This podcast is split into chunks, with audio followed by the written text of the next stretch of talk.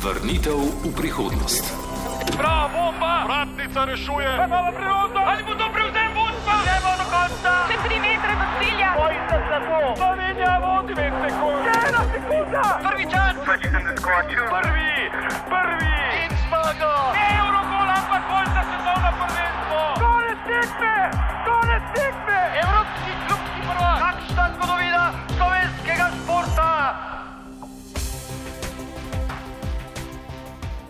Športni časovni stroj se je tokrat zaustavil v letu 2008, ko je v Olimpijskem plavalnem centru v Pekingu Sara Isakovič med dobitnice kolajn umestila tudi Slovenijo.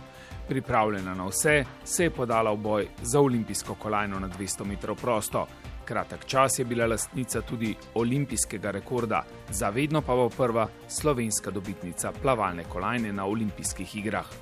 To se moraš že vnaprej vse pripraviti, kot da jo boš dobil. Tako da jaz sem si že vse Mikico to dodatno pripravila, pa tako malo make-up, pa prijem se še na podelitev, sem imela kar v žepu že.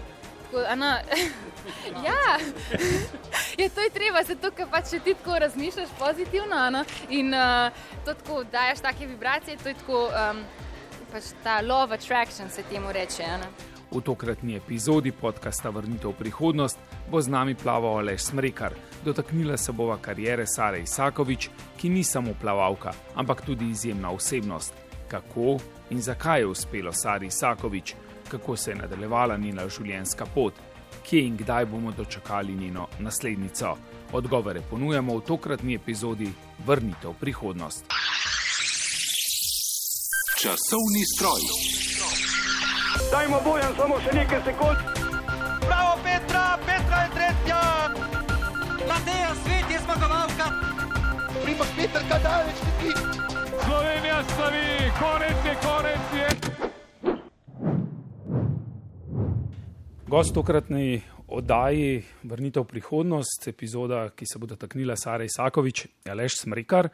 Aleš, plavalec po duši, eh, občasno tudi bil reporter plavalnih eh, tekmovanj, čeprav ne prav pogosto, ampak nekajkrat pa vendarle.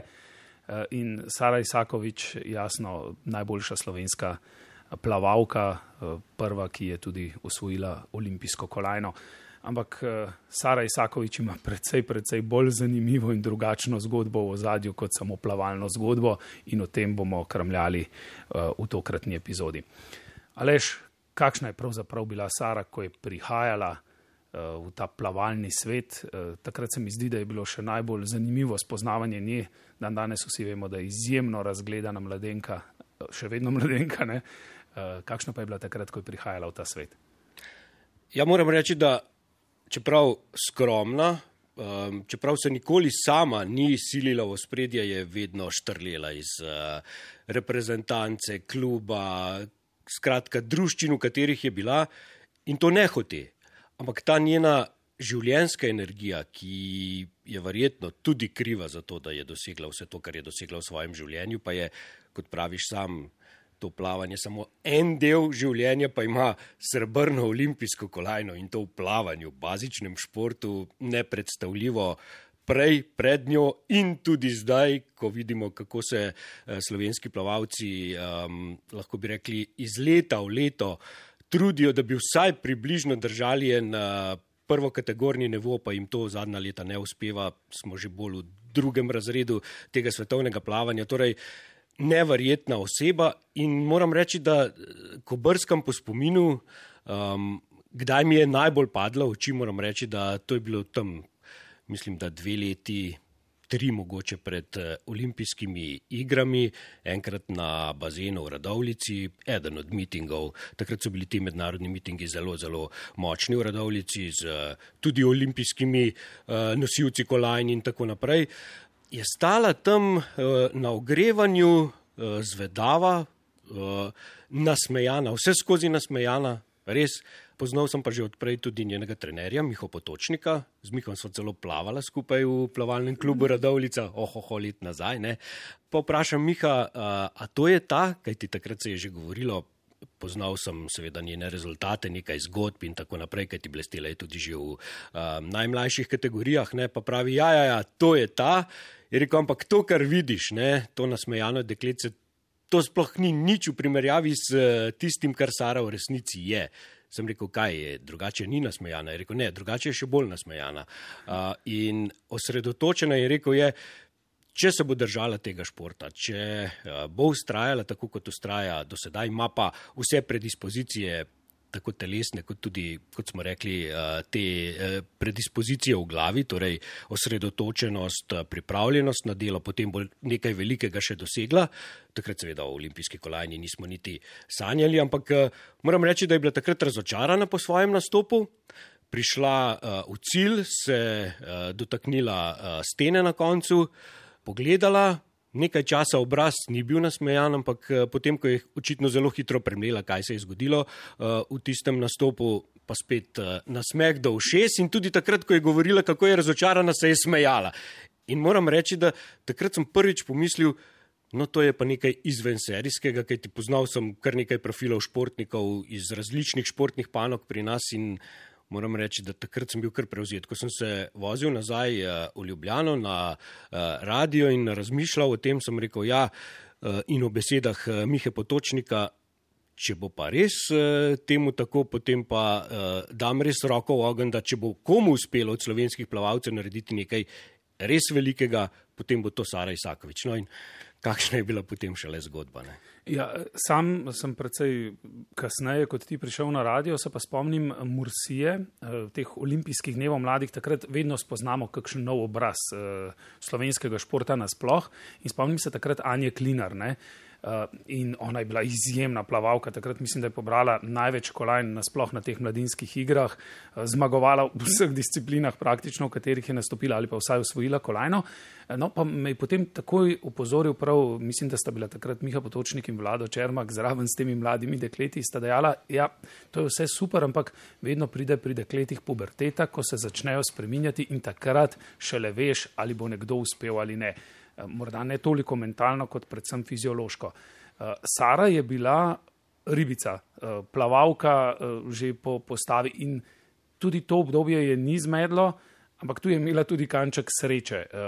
Kakšne so bile te njene odlike, govorim predvsem morda dolgih okončinah, čem drugem, s čimer je bila tudi v tem pogledu drugačna od večine slovenskih plavalk? Ja, Se pravi, eh, prej sem že govoril o predispozicijah. Ja. Um, Anja Klinar je povsem uh, drug tip, uh, tudi potem v, v tem ženskem razvoju je, moram reči, potegnila krajšo kot pa Sara Isakovič. Sara je pa imela telesne predispozicije, ki so ji bile uh, položene v zibalko.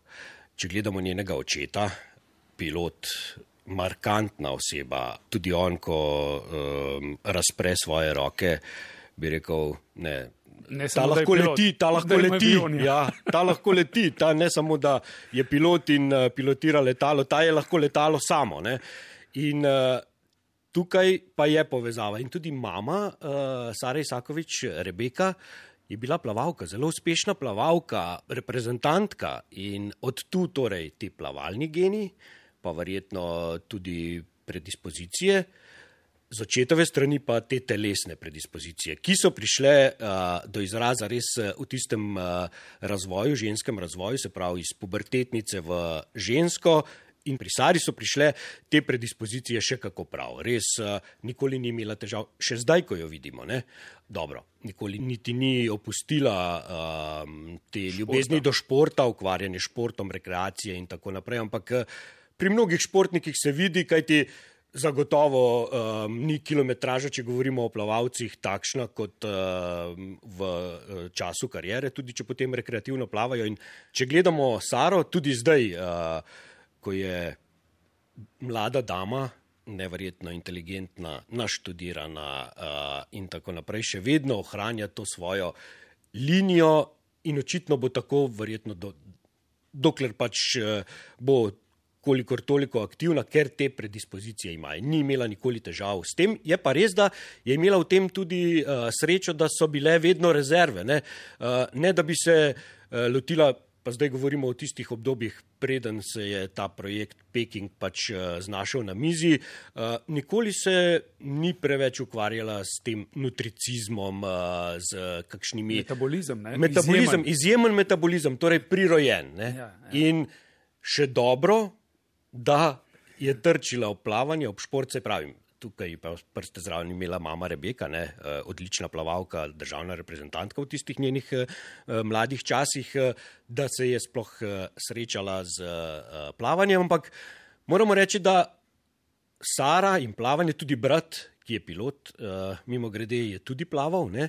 pa ni bil tako perspektiven. Ja, uh, in moram reči, da so se zaradi tega tudi odločili v družini, da se pač. Uh, Družina vrne v Slovenijo zaradi sarinega plavanja, da oče ostaja v Dubaju, in prav zaradi plavanja je ta poteza nastala, in še dobro, da je. Se pravi, vse je bilo usmerjeno, potem že, ko je Sara kazala prve perspektivne rezultate, da iz uh, tega dekleca nekaj bo, ampak vse, vemo, uh, starši se lahko nekaj odločijo. Če pa otrok potem uh, zgubi zanimanje, zgubi veselje, uh, zgubi osredotočenost, pa se starši lahko postavijo na glavo, pa se stvar ne bo spremenila. No in v tem primeru moram reči, da je Sara potegnila vse najboljše, uh, kar je lahko uh, iz tega genskega zapisa. In obenem, seveda, dodala še tisto svoje, kar je pa na koncu rezultiralo s tem, kar je rezultiralo s prvo zlato kolajno na evropskih prvenstvih v samostojni Sloveniji za slovensko plavanje. Upajmo, da ima še dovolj moči. Bomo videli, kaj bo ob koncu. Sara Isakovič, zmagovalka Evropskega prvenstva na 200 metrov kravel. Sara Isakovič, Evropska prvakinja. Kasneje je to ponovil tudi Damir Dugonič, ampak ne v uh, olimpijski disciplini, v neolimpijski disciplini 50 prsno, se pravi na 200 kravel in to prav v letu olimpijskih iger je takrat uh, Sara postala evropski prvak. Že to nekaj neverjetnega, no, potem pa uh, srebrna olimpijska kolajna, to pa sploh. In res, vse, kot si sam dejal, nastavil to vprašanje, izhaja iz te predispozicije, ki je pri Sari tako izrazita in jo je znala izkoristiti. Ja, nekaj izjemnega je bila. Uh, Sara Isakovič v tem procesu odraščanja skozi šport. Kdaj se je pa pravzaprav Sara pred tem evropskim prvenstvom, bližava se pač počasi, bova prišla do tega olimpijskega Pekinga, pokazala kot recimo nek izjemen potencial. Potencial, da nekdo začne razmišljati o projektu Peking. Zdaj, če smo odkrita kakorkoli že, vrhunski športnik, jasno, vsak eh, tempira formo za veliko tekmovanje, ampak ko se pa nekdo odloči za tak projekt, kot se je uh, Sara odločila za projekt Peking, ko vloži pravzaprav celotna družina, vse, ko se začnejo trenerji specialno ukvarjati z enim posameznikom, pa mora biti neka razlika in seveda to Evropsko prvenstvo, ki je bilo v letu olimpijskih iger, je bilo precej prepozno, da bi kdo kaj takšnega ugotovil. Kdaj pravzaprav je prišlo do tega klika, trenutka, ko so pa rekli, no, s tem deklecem se pa velja ukvarjati ukvarjati na način, da bi morda tudi na olimpijskih igrah naredila kakšno veliko stvar. Glede na rezultate, glede na to, kako so padali državni rekordi, se je videlo, da res postopoma napreduje in to ne tako kot uh, mnogi športniki, ki konstantno pač izboljšujejo svoje rezultate v plavanju za nekaj stotink. To, to je bil ogromen, ogromen preskok. Ja, jaz sem presrečna, res bolj vesela ne bi mogla biti. Tudi z užitkom sem nastopala v tako močni konkurenci, tako da je bilo vse v najlepšem redu in tako se mi je šlo res kot v sanjah. Ta rezultat pod um, 1,57 me pa po en stran tudi presenetil. Vedela sem pa, da sem sposobna tudi tak rezultat odplavati in res mi je uspel. Eh, videlo se je tudi pri njej, takrat, ko je vem, bilo konec eh, šolskega leta, ko se je v tistem poletnem obdobju posvetila samo plavanju, kako so rezultati rapidno, rapidno se izboljševali in to za pol sekunde, sekunda, veš, kaj je to pri, pri, pri plavanju, ogromno, ne? res ogromno. In uh, Miha Potočnik je kmalo to začutil, tako da on, mislim, da sam pri sebi je ta projekt uh, Peking načrtoval še. Preden je to tudi dal na mizo in uh, to razodel uh, in Sari in uh, družini, uh, ki je bila seveda takoj za. Ambiciozni so vsi, to je treba priznati. Ne? Je pa res, da jo je Miha Potočnik poznal do obisti. Vprašanje, če bi s katerim drugim trenerjem lahko tako osredotočeno in tudi načrtno delala, marsikaj sploh ni razkril. Čeprav uh, Sari je bilo marsikaj jasno, veliko bolj kot ostalim plavalcem in plavalkam, ki se držijo kot pijanec plota ene začrtane poti enega urnika treningov in uh, tudi uh, treninga samega, kako mora izgledati. Uh, Sara je morala vsaj v 80 odstotkih vedeti, zakaj. Zakaj toliko in toliko intervalov tega, zakaj toliko in toliko intervalov nečesa drugega. Poznala je tudi svoje telo veliko bolje kot uh, ostali, zato je tudi vedela, kaj ji paše in kaj ne, kaj ji leži bolj, kaj manj. No in izkazalo se je, da se je v bistvu v tem projektu zasitila kravla.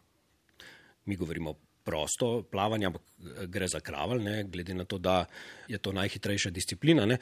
In mislim, da kakšno leto pred olimpijskimi igrami je takrat plavala samo delfin. Eh, tudi tekmovala samo v delfinu, tudi postavljala zelo dobre rezultate v delfinu, in mnogi smo se že spraševali, kaj je zdaj to, ali ni uh, njen fokus na disciplini 200 prosto oziroma 200 kraval. Ne? Pa mi je enkrat namignil potem Miha in rekel, ja, prišlo je do nasičenosti, zato ji dovolim, da plava samo delfin, jo bom pa zdaj, zdaj začel spet nazaj usmerjati v kraval. In to je bila dobitna kombinacija. Eh, še ena stvar mi je zelo, zelo zanimiva pri plavanju. Eh, plavanje je šport, eh, kjer tekmovalci pravzaprav na vseh velikih tekmovanjih tekmujejo v več disciplinah. Imajo več možnosti za kolajne, se pravi, tisti, ki so nekje v krogu kandidatov za same kolajne, imajo ponavadi tri, morda štiri možnosti, da to kolajno tudi usvojijo. Sara je bila zelo usredotočena na to disciplino. Ne? Pravzaprav nek unikum v, v tem pogledu.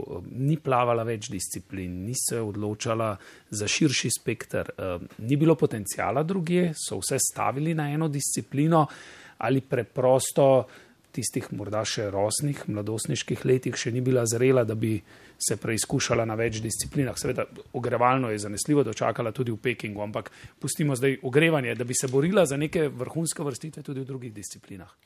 Ne, uh, Sara je v svoji karieri, tudi recimo, da rečemo do tistega leta, dveh eh, pred uh, olimpijskimi igrami, plavala mnogo disciplin. Jaz se spominjam tiste univerzijade v Bangkoku leta 2007, to mi je nastopila, mislim, da v šestih disciplinah, vseh prišla v finale.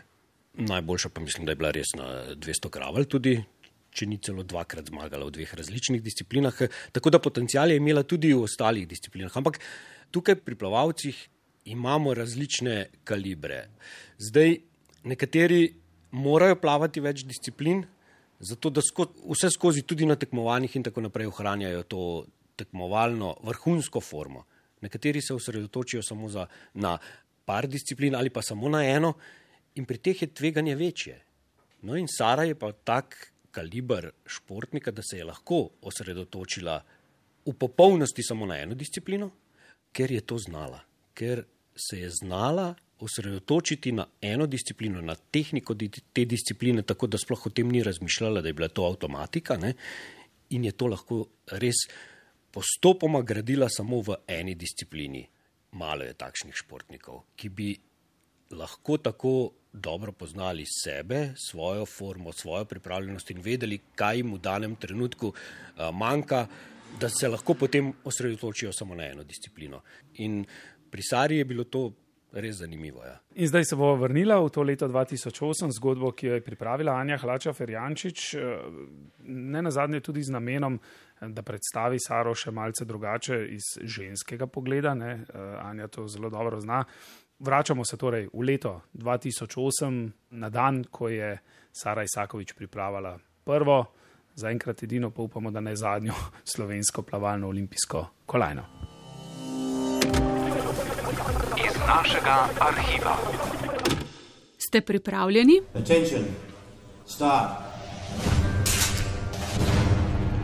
Tole ne bo izletel v športno preteklost, ampak v nekaj še bolj zapletenega, v človeške možgane. Igre 29. olimpijade, Peking 2008. Vsi športniki na olimpijske igre pripotujejo vrhunsko pripravljeni. Vsi plavalci so preplavali ogromno kilometrov, ure in ure so v vodi, meditirajo ob vzorcih ploščic. Vsi si želijo uspeha, odliči. Kaj pa, če se želja dejansko uresniči? To sem gledala in full dober dokumentarc, ne vem, če poznate The Secret. In ne, pa se jaz sem že tako full pozitiven človek in pozitivno treba razmišljati. Sam pač, če pa se ti nekaj tako ful močno želiš in res, ne vem, to kar samo pa je pride. Tako takrat 20-letna Sara Isakovič z nalezljivim optimizmom in samozavestjo. Plavanje. V olimpijskem bazenu smo dočakali drugi slovenski polfinale. Tega smo skupaj s Saro Isakovič v disciplini 200 metrov kraval sicer pričakovali, ne pa zgodovinskega olimpijskega rekorda 1.55.86, ki je bil njen dobre tri minute. Hitrejša od nje je bila namreč v zadnji skupini italijanka Federica Pellegrini s svetovnim rekordom 1.55.45. Takšna je bila torej Sarina popotnica v finale. Pisal se je 13. august 2008. Bila je sreda, bilo je dramatično. V zadnjih 50 metrov preizkušnje nas peljeta naša reporterka Uršula Majcen in kar sama Sara Isakovič. Zmeriti zadnjo obrat, kaj je najtežji, to ga je treba najboljš narediti. In greš proti obratu in pač se odrinjaš, kar se le da. Prideš ven in sam šprintaš še zadnjo 50, kako kar lahko. Od začetka do konca sploh ne, zadnjih 25 metrov ni šans, da gledaš, kje je okolje, sploh ne veš, kje si. Tako da šprintaš, šprintaš zadnjih 5 metrov, pa brez dihanja. In... Sara Isakovič gre naprej, to da tudi Kitajka se ne da, ali Pelegrinjeva, ali Sara Isakovič, ali Kitajka Pangova. Dajmo Sara Isakovič, še 3 metre do cilja, Sara Isakovič, Sara Isakovič druga, 1.54.97. Navdušujoč čas, ki bi bil tudi svetovni rekord, če ne bi italijanska superzvezdnica Federica Pellegrini plavala še 15 stotink hitreje.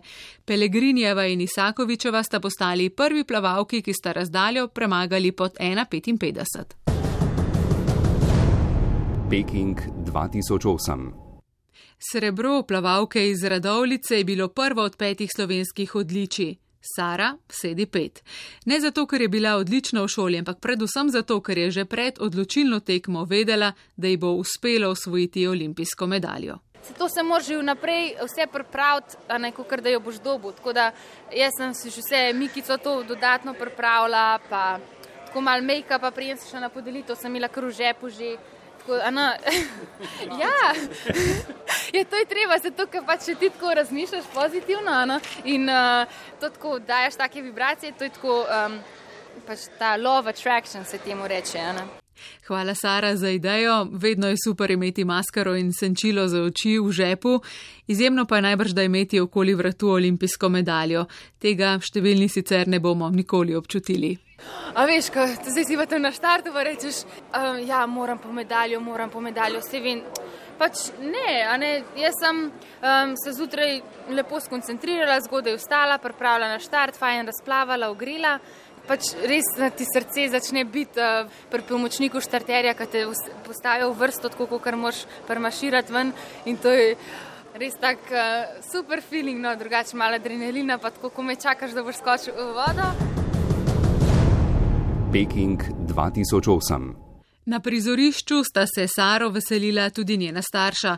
Mama Rebeka je kar izklopila telefon, oče Nenad pa je dobival čestitke iz Dubaja, Indije, Združenih držav Amerike, Avstralije, iz Srbije, pa še odkot. Uživam, ampak mislim, da bom še bolj uživala, ko bo vsega tega konec, ko se bom res lahko uh, poveselila s svojimi starši, uh, ker sem jih videla samo dve minutke med podelitvijo, potem so me pa zvlekli stran, tako da um, sem imela še doping kontrolo, pa vse je pač to, kar spada zraven, ampak ne za to. Um, me še čaka pet dni počitka in bom sigurno še lepo praznovala. Slogan iger v Pekingu je bil En svet, ene sanje. Sara je svetovljanka, zato so bili tudi tuji kolegi nad njo preprosto navdušeni. V katerih jezikih je odgovarjala na vprašanja? Um, tekoče v angliščini, nekaj sem pojela tudi v nemščini, tukaj me je zdaj še en italijan uh, v italijanščini vprašal, sam sem rekel, da italijansko nažalost na res ne znam. Mislim, malo zastopam, ampak um, nisem mogla odgo pač normalno odgovoriti. Um, Tako da mogoče ja, se bo še kakšen najdel, kakšnemu jeziku, da me bojo sprovali. Sara Isakovič se je po Pekingu odločila, da bo poiskala tudi odgovore na bolj pomembna vprašanja, kot so tista povezana s plavanjem. Odločila se je za študij psihologije na Univerzi Berkeley. Postala je vrhunska strokovnjakinja, ki k optimalnim predstavam zdaj pomaga ne le športnikom, temveč tudi podjetnikom in pilotom. Kot je veljalo v Pekingu, pa velja tudi zdaj. Na vse je pripravljena. Tudi na prepoved gibanja in na zaprte bazene. Plavalci, ker so vsi bazeni zaprti, vem, koliko pogrešate von po kloru. Pejte v trgovino, kupite klor, mal razkušte tuš, se greste takoj stuširati in boste videli, boste imeli tak občutek, kot da ste direkt po treningu. Kaj lepšega kot to, da mi po treningu takoj pod tušem zavohamo klor. Vrnitev v prihodnost. Slišali smo nasmejano Saro Isakovič, ampak v tem pravzaprav ni za zgubljati besed, ko je vedno uh, nasmejana. Najbolj me zanima, ker si vendarle bil prisoten na teh igrah in si vse skupaj spremljal, če si kadarkoli v Pekingu pa začutil kanček razočaranja, glede na to, da je bila tako blizu, ne na zadnje, tudi olimpijskemu naslovu in da svojo skozi vse pogovor, pa tudi skozi to zgodbo spoznali kot uh, mladenko, ki je bila izjemno osredotočena in ki je vedela, kaj želi, ali je bila sploh v kakšnem trenutku lahko razočarana ali pa pokazala uh, kanček tega, da ja, lahko bi bilo še bolje. Uh, glede na to, da je Sara Isakovič pač poskrbela za menike, o katerih verjetno tudi sama prej ni razmišljala oziroma sanjala. Jaz moram reči, da v Pekingu se ne spomnim takšnega momenta, se pa mislim, da spomnim momenta potem ob koncu tistega leta, ko smo bili na prireditvi plavalec leta in v enem sproščenem vzdušju, že potem, ko je bilo tega uradnega dela konec, eh, smo se bolj za šalo, kot za res eh, na ta račun eh, malce pošalili, ne, da tako blizu verjetno nikoli več ne boš, ne, če sploh kdaj zlati olimpijski kolajni.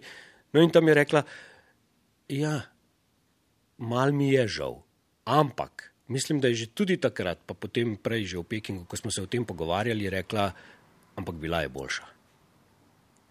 Pelegrinijeva je bila boljša in to je priznala. In to je tudi veličina tega športnika. Je pa res, da je uh, ambiciozna, Sara Isakovič, pač potem, ko je premljevala verjetno v sebi, uh, to prišla do spoznanja, da mogoče pa, ampak jaz mislim, v samem Pekingu uh, je bilo kar nekajkrat govora o tem, nikoli ni rekla, ne, ne, ne, nisem zgubila uh, zlate kolajne, jaz sem dobila srebrno kolajno in bila sem v tistem trenutku sposobna za srebrno kolajno. In s tem sem več kot zadovoljna. Uh, tisti moment se pa spomnim, pa še tisti moment je bil samo za nekaj sekund, pa v smehu, ampak se pravi, pri Sari uh, ne moreš vedeti, kdaj se smeji, zato ker je nekaj res uh, zelo, zelo smešno, ker nasmejana je pa tako rekoč uh, tudi takrat, ko je razočarana. En obrambni mehanizem je mogoče ta smeh tudi. No. Federica Pellegrini je pred tedni končala svojo izjemno bogato kariero. Tri olimpijade, po tem Pekingu, po tem izjemnem boju Sare in nje eh, za olimpijski naslov na 200 metrov kravelj. Sara je to storila precej prej. Že takoj na začetku so upozorila, da Sara je imela v življenju še precej več kot samo plavanje, ampak glede na to usredotočenost, na to njeno izjemno kakovost, kako to, da recimo, čeprav je poizkušila še v naslednjem olimpijskem ciklusu, ni še enkrat ne bom rekel, sestavila mozaika do ravni uh, olimpijske kolajne, ampak vsaj tako vrhunsko, da bi bila sama seboj zadovoljna. Zdi se mi, da je v drugem olimpijskem ciklusu pa potem precej trpela že v bazenu. Uh, kaj je potrovalo pravzaprav temu? Ja, če kar preskočim ta štiri leta, pa se osredotočim na olimpijske igre v Londonu, na plavalni del.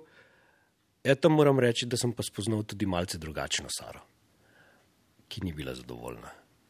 Zato, ker je vedela, verjetno sama pri sebi, pa tega ni na glas želela, tudi zaradi visokih pričakovanj javnosti, uh, odkrito povedati, ne, da je v tem olimpijskem ciklusu od uh, Pekinga pa do Londona bilo plavanje malce v drugem planu. To pa zato, sam si že to dejal, ker Sara ni samo plavalka. Sara ni samo športnica, Sara je znanstvenica. Ja, seveda, Berkeley univerza je um, bila letos raz, razglašena kot najboljša tako javna fakulteta na svetu, um, tako da imamo res profesorje z Nobelovimi nagradami, um, ampak so oni tudi tako zelo preprosti, da ne vem, so zelo dostopni in če karkoli kaj rabaš, greš prav profesorju v pisarno, ga tam prašaš, um, imaš na voljo pomočnike, mi športniki imamo celo svoje pomočnike, ki nam pomagajo, recimo, ne vem, pri kakršnih koli stvarih ti organizirajo, da imaš inštruktorja. Um, tako da, ne vem, pomoči imamo ogromen, um, ja, sama univerza je zelo priznana, seveda treningi so pa tudi zelo na vrhunskem nivoju, ker je moja trenerka ena izmed najbolj priznanih trenerk v Ameriki. Um, je tudi Dina um, v ameriški olimpijski reprezent, plavalni reprezentanci kot ženska, tako da um, je vse res na vrhunskem nivoju. Sara je veliko več kot samo mašina, ki skoči v vodo, oddela svoje, se potem ugasne in se prižge spet uh, pri naslednjem skoku ali za trening ali pa za tekmovanje. In v tem štiriletnem ciklusu je pa seveda tako, da prišla je v Ameriko na univerzo, Berkeley. Berkeley. Elitna univerza, ne? ni to ena ja. žbilja univerza, na katero gredo mnogi športniki, zato ker dobijo športno štipendijo. Ne? Ona je šla študirati. Ja. In seveda, glede na to, da ima zelo rada družbo, da, uh, da je bila vajena tudi tule. Uh, Se ustavljati na vsakem koraku, takrat, ko je čas to dopuščal, pa s tem spregovoriti o jedrski fiziki, z drugim o plavanju, s tretjim o risankah. Z vsem, tako, ja, vse je zanimalo, z vsem se je znala uh, srečati in uh, tudi pogovarjati na vse te teme. Ne. Tam je bilo pa drugače. Prišla je tja, v eno neznano okolje, osredotočena na študij in pa seveda na plavanje, um, da bo plavala toliko, kot je pač treba, da ohrani tudi nek status. Uh, bila je seveda v tisti disciplini edina z olimpijsko kolajno, čeprav je bilo kar nekaj uh, dobitnikov olimpijskih kolajn na tej univerzi. Je pa zanimivo, da v Pekingu ne, je bila pred njo italijanka, za njo kitajka, torej dve, ki sta imela prav tako malo možnosti, da prideta v Združene države Amerike, ker se vendarle plavalni svet uh, je študentski šport, tako kot še nekateri drugi. In američani pač v teh disciplinah takrat niso imeli, ne vem, v nadaljevanju izjemne plavalke, pa tudi prej, ampak v tistem obdobju pa ravno ne. ne. Ravno to. V disciplini 200 kravelj je bila olimpijska podprvakinja. In vemo, da v Združenih državah uh, že nastop na olimpijskih igrah veliko šteje. Kaj šele, če človek dobi olimpijsko kolajno. Je ne, to je tako uh, velika univerza, da, da sem tam res um, bolj neprepoznavna, kar mi je zelo všeč, ker um, lahko hodim okoli napravljena, kot hočem. Res, um, čistko zelo sem sproščena. Um, seveda pa, kdo ko me spozna um, od kakšnih novih dijakov, profesorjev, recimo uh, takoj, ko zvejo, da sem plavalka, reče oni, ja, a ne, a si gledala olimpijado, pa tako, pa, pa potem rečem, ja, a ne, sem bila tudi jaz na olimpijadi in potem se cela ta zgodba tako razvije, da na koncu povem, da sem osvojila srebrno medaljo in res znajo to zelo, zelo dober cent um, čez lužo. In to pogledno je bila na očeh eh, vseh ostalih. Eh, seveda, to je bila samo ena odlika njena, da je znala to skompenzirati tako, da je še vedno blestela na teh eh, študentskih tekmovanjih, so pa rezultati pač stagnirali. Zaradi tega, ker je res se vrgla v študij.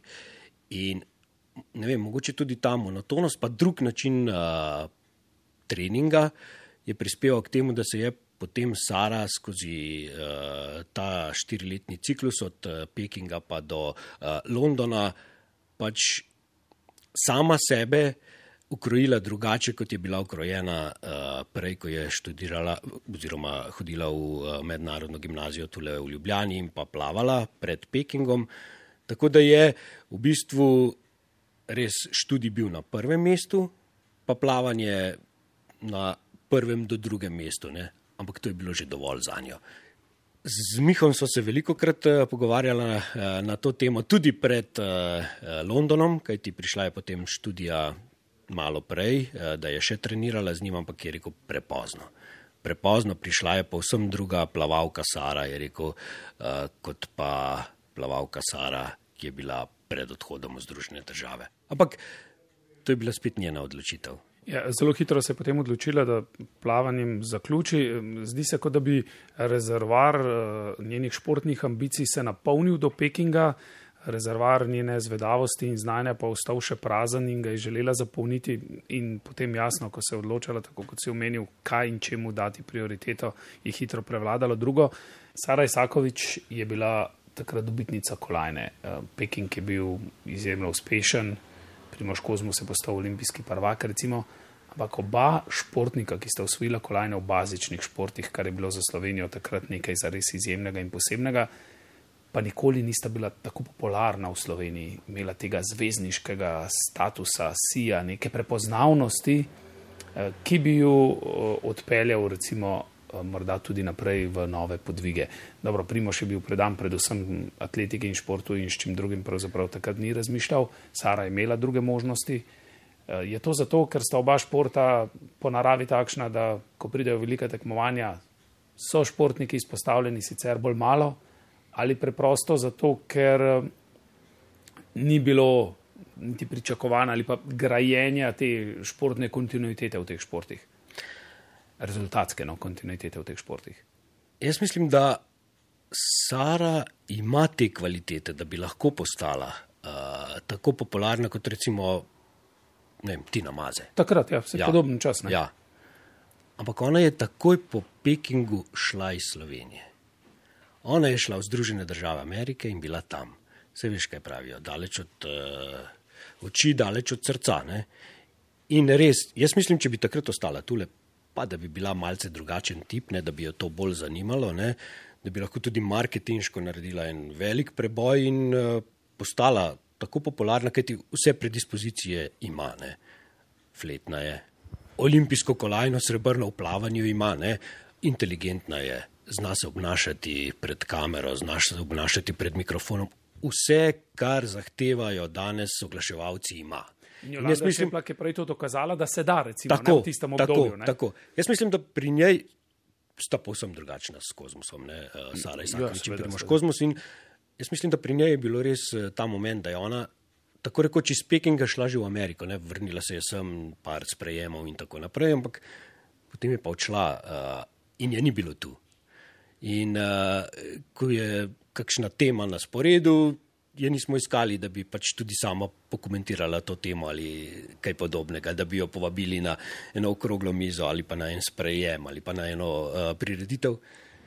In jaz mislim, da v tem uh, grmu tiči zajec, ne? da ona je pa res imela predispozicije, da bi lahko bila ena od najbolj popularnih športnic uh, v Sloveniji.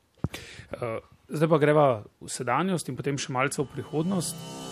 Skok v prihodnost slovensko plavanje trenutno z nekaj kakovostnimi plavalci, ampak brez izvenserijskega.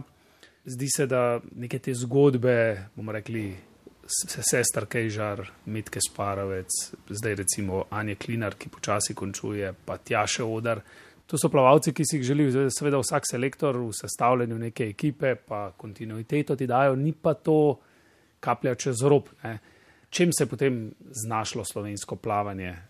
Nekega dodatnega zagona s to sarino kolajno, mogoče gradni bazenov v neki infrastrukturi, v neki šoli, nekem trenažnem centru, ni dobilo. Ne, mogoče je smola tudi v tem, da je po tej kolajni, po, po tem Pekingu prišla ta gospodarska kriza. In takrat je bil predsednik eh, plavalne zveze Ivan Zidar, predsednik uh, uprave SCT-ja. Takrat z gradbeno uh, krizo, z gospodarsko krizo so se gradbena podjetja tako rekoč uh, sesula sama vase. Takrat je bil zelo, zelo pomembna osebnost v plavalni zvezi tudi uh, direktor reprezentant Ciril Globočnik, zdaj župan Radovlice, prej tudi alfa in omega plavanja v Radovlici. Potem se je eh, ta struktura zamenjala, gospodarska kriza je udarila po vsem športu, tudi po plavanju. En sistem se je sesul v bistvu, ne? sistem, ki ga je gradil takrat Dimitri Mancevič, pa Miha Potočnik. Poglejmo, Miha Potočnik je zdaj, eh, mislim, da ima najmlajše kategorije v plavalnem klubu Kamnik. Tudi iz radovliškega uh, kluba je moral oditi, pa ne, ker bi bil kakšna konfliktna osebnost, mogoče ravno zaradi tega, ker je bil preveč tiho. Ko je pa kaj povedal, pa je stalo, pa nekomu pač to ni bilo všeč. In mislim, da je vse to se potem v en tak mozaik uh, sestavilo, da je plavanje potem naredilo kar nekaj korakov nazaj. Tudi predsedniki zveze so se menjavali, uh, sponzorji so odšli, zdaj nimamo enega takšnega, ne vem, kakšnega močnega sponzorja. Uh, vse je bilo bolj na uh, tem uh, državnem denarju. Ne? In en sistem, ki se je gradil, ki je bil na dokaj visokem nivoju, se je porušil, in zdaj imamo to, kar imamo. In iz tega pač tudi, ne vem, takrat je bil standard te višinske priprave, pa najprej so samo redki hodili na višinske priprave, potem Miha pa Dimitri sta uh, na višinske priprave in to ne samo enkrat na leto odpeljala vso razširjeno reprezentanco in to se je poznalo. Ne. Poznala se je baza, iz večje baze, najdeš hitreje tudi kakšnega talenta, je pa res, da talent ala Sara Isakovič pač se pojavi v tem našem uh, bazenu, ki je pač uh, tako velik, kolikor uh, je velik, uh, samo sem tertjali pa sploh ne. In še srečo smo imeli, da, da smo uh, živeli in živimo v času Sara Isakovič, ne. seveda z ožjo bazo, kakršna je ta trenutek, pa seveda tudi ni toliko možnosti, da bi te izvenserijski talenti priplavali na površje. In jaz mislim, da je vse to en začaran krok, eh, se je potem po gospodarski krizi stvar začela spet sestavljati. Eh, pa je Damir Dugonič recimo nekaj časa vlekel v 50-metrskih bazenih, ampak spet bolj v neolimpijski disciplini kot olimpijski disciplini, pa Tjaša Odr. Ampak se pravi, ni pa enega kontinuiranega sistemskega dela, ki bi na koncu rezultiral tudi s takšnimi rezultati, kakršni so bili v času uh, Sare Isakovič, pa malce pred njo, pa malce za njo. Bi bila rešitev, uh, zdaj to je samo na papirju, ne, lahko rešitev ustanovitev oziroma uh, sestava nekega centra, državnega centra, po zgledu recimo smučarskih skakalcev, ki jim ne zmanjka trenutno materijala, pa so eden od redkih športov, ki imajo vem, svojo gimnazijo, svoj center, kjer so ljudje eh, sestavljeni. Večkrat smo v tem pogovoru omenila Radovlico, Maribor ima edini res kakovostno infrastrukturo trenutno, ko govorimo o bazenu. Kje bi se to sploh dalo in ali je to sploh smiselno v plavanju? Je, je smiselno. Um, sploh glede na to, da je Slovenija tako majhna. Se pravi, primer Sara Izakovič, ona je trenirala v Radovlici, živela na Bledu, takrat hodila v šolo v Ljubljani. Pa se je vse dalo. Ne? Če bi verjetno bil ta center v Ljubljani, bi bilo še toliko lažje. Ne? Še mama servisa ne bi potrebovala, čeprav se sva o tem veliko govorila, mama je bila zelo pomembna v eh, tej verigi. In ja, škoda, res škoda, spet se vračam k temu, da se ta kolajna, uh, Sara Isakovič, ni rezultirala v boljši plavalni infrastrukturi, v enem mogoče trenažnem centru, kjer vse ni nujno, da bi vse skozi bili tam, ampak da bi po ciklusih eh, bili vsi nastanjeni tam nekje blizu, povsem osredotočeni samo na plavanje in to je zagotovo garant. Je pa še ena stvar, ne? še ena stvar je pa tudi, da spet se vračam tudi k uh, Mihi Potočniku, ne? da nismo znali kadrov, trenerskih kadrov, ki so nekaj dokazali.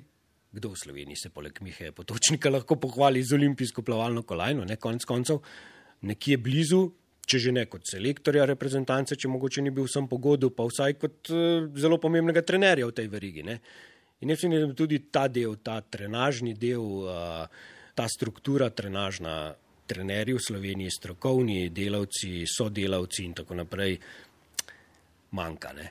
Jaz moram reči, da sem se veliko naučil takrat o športu, o razmišljanju iz te ekipe eh, Dmitrija Manceviča, ki jo je vzpostavil okrog Petra Mankoča.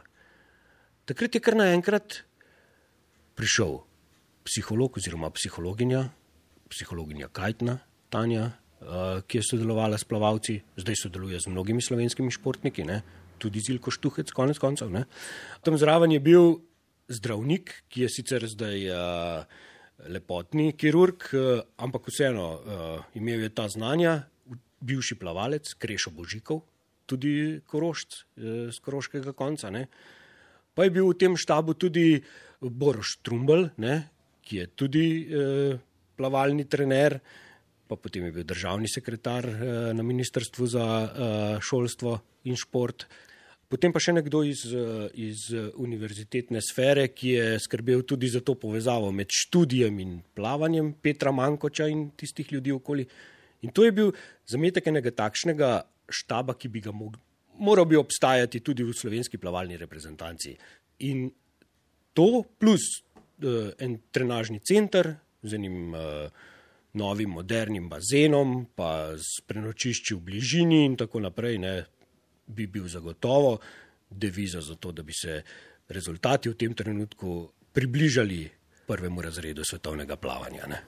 Ko gledam takrat Saro, imam zdaj pred očmi mladenko, katere potencial še ni povsem znan, ima pa mamo nekdanjo plavalko, ima potencial in zdaj ravno v teh dneh, ko sem zasledil, da ima v garaži 4-metrski bazen, v katerem Eh, plava in si je postavila svoj prostor, da vendarle ne bo izgubila. Eh, Katijo Fajn sem imel v mislih. Je morda pa vendarle v tej mladenki skrito tudi nekaj več, eh, glede na to, da je še zelo mlada in da tudi njeni rezultati v tem zadnjem obdobju so šli na vzgor izjemno, jo sploh lahko primerjamo no, s čim podobnim, kot je bila Sara Isakovič. Težko, čeprav se pravim, a, kot si samo omenil, zgodba je dokaj podobna. Ne? smo pa ljudje individuumi, ne, uh, različni in uh, veliko, veliko dela čaka Katijo, uh, da bi prišla do te stopnje. Vsi si želimo, da bi temu bilo tako, ampak ja, stopinje so prave, ampak če primerjava pač razvoj Sare in pa razvoj Katije, je že malce razlike, je pa res, spet smo pri začetku najnega pogovora, ne, pri dekletih, pri ženskah, pri tem razvoju je marsikaj pač odvisno tudi od naravne poti, na katero pa pač nimajo vpliva. Ampak če bo pridna, če bo osredotočena, tako kot je bila Sara, lahko še visoko prileze. Ja. In eh, ko smo se vrnili 12 let nazaj, si lahko v prihodnosti predstavljaš, da bi Slovenija znova prišla do olimpijske kolajne v plavanju. Zdaj, zelo v bližnji prihodnosti, pa v Tokiu, nihče niti ne razmišlja, ampak 8-12 let, kaj bi se moralo sestaviti? Če bi me to vprašal, recimo leta 2000 v Sydneyju, uh, če bomo čez 8 let imeli olimpijsko kolajno, bi rekel, pff, tudi podrazno ne. Zdaj, s to izkušnjo, bom rekel, upam, da. Je pa res, da ta trenutek, če bi bil povsem realen, uh, bi rekel, da še dolgo, dolgo ne da vprašanje, če bomo mi dva dočakala kaj takšnega. Ampak se pravim, ja, uh, samo osem let je bilo od uh, dva olimpijska ciklusa, pa smo bili na zmagovalnem modru, uh, Sara Visakovič v Pekingu. Ja, v 90-ih letih, ko je Brigita Bukovec navduševala, smo rekli, kakšna atletska zvezda nikoli več ne bo podobna, pa se je potem zgodila Jolanda Čeplak, pa se je zgodil Primoš Kozmus pa se išče in čaka nove naslednike in tudi v plavalnem bazenu morda najdemo naslednico Sara Isakoviča, naslednika je teže najti, je tudi v plavanju ta razlika drugačna. Je, je, je. je. Uh, konkurenca v plavanju je še toliko bolj zgoščena kot pa uh, ženska konkurenca uh, v plavanju, ampak vseeno, se pravim. Uh, Bazičen šport je že sam po sebi pač garant za ogromno konkurenco in Ja, meja je pa ne bo. Sara je to pokazala. Ne? Tako, priplavali smo do cilja, do prve slovenske olimpijske kolajne v plavanju. Sara Isakovič bo ostala zapisana kot prva. Čakamo njeno naslednico z naslednjo epizodo podcasta Vrnitev v prihodnost, pa postrežemo v torek. Vrnitev v prihodnost. Mislim, oprostite vse skupaj, ampak bom drugič kaj več povedal.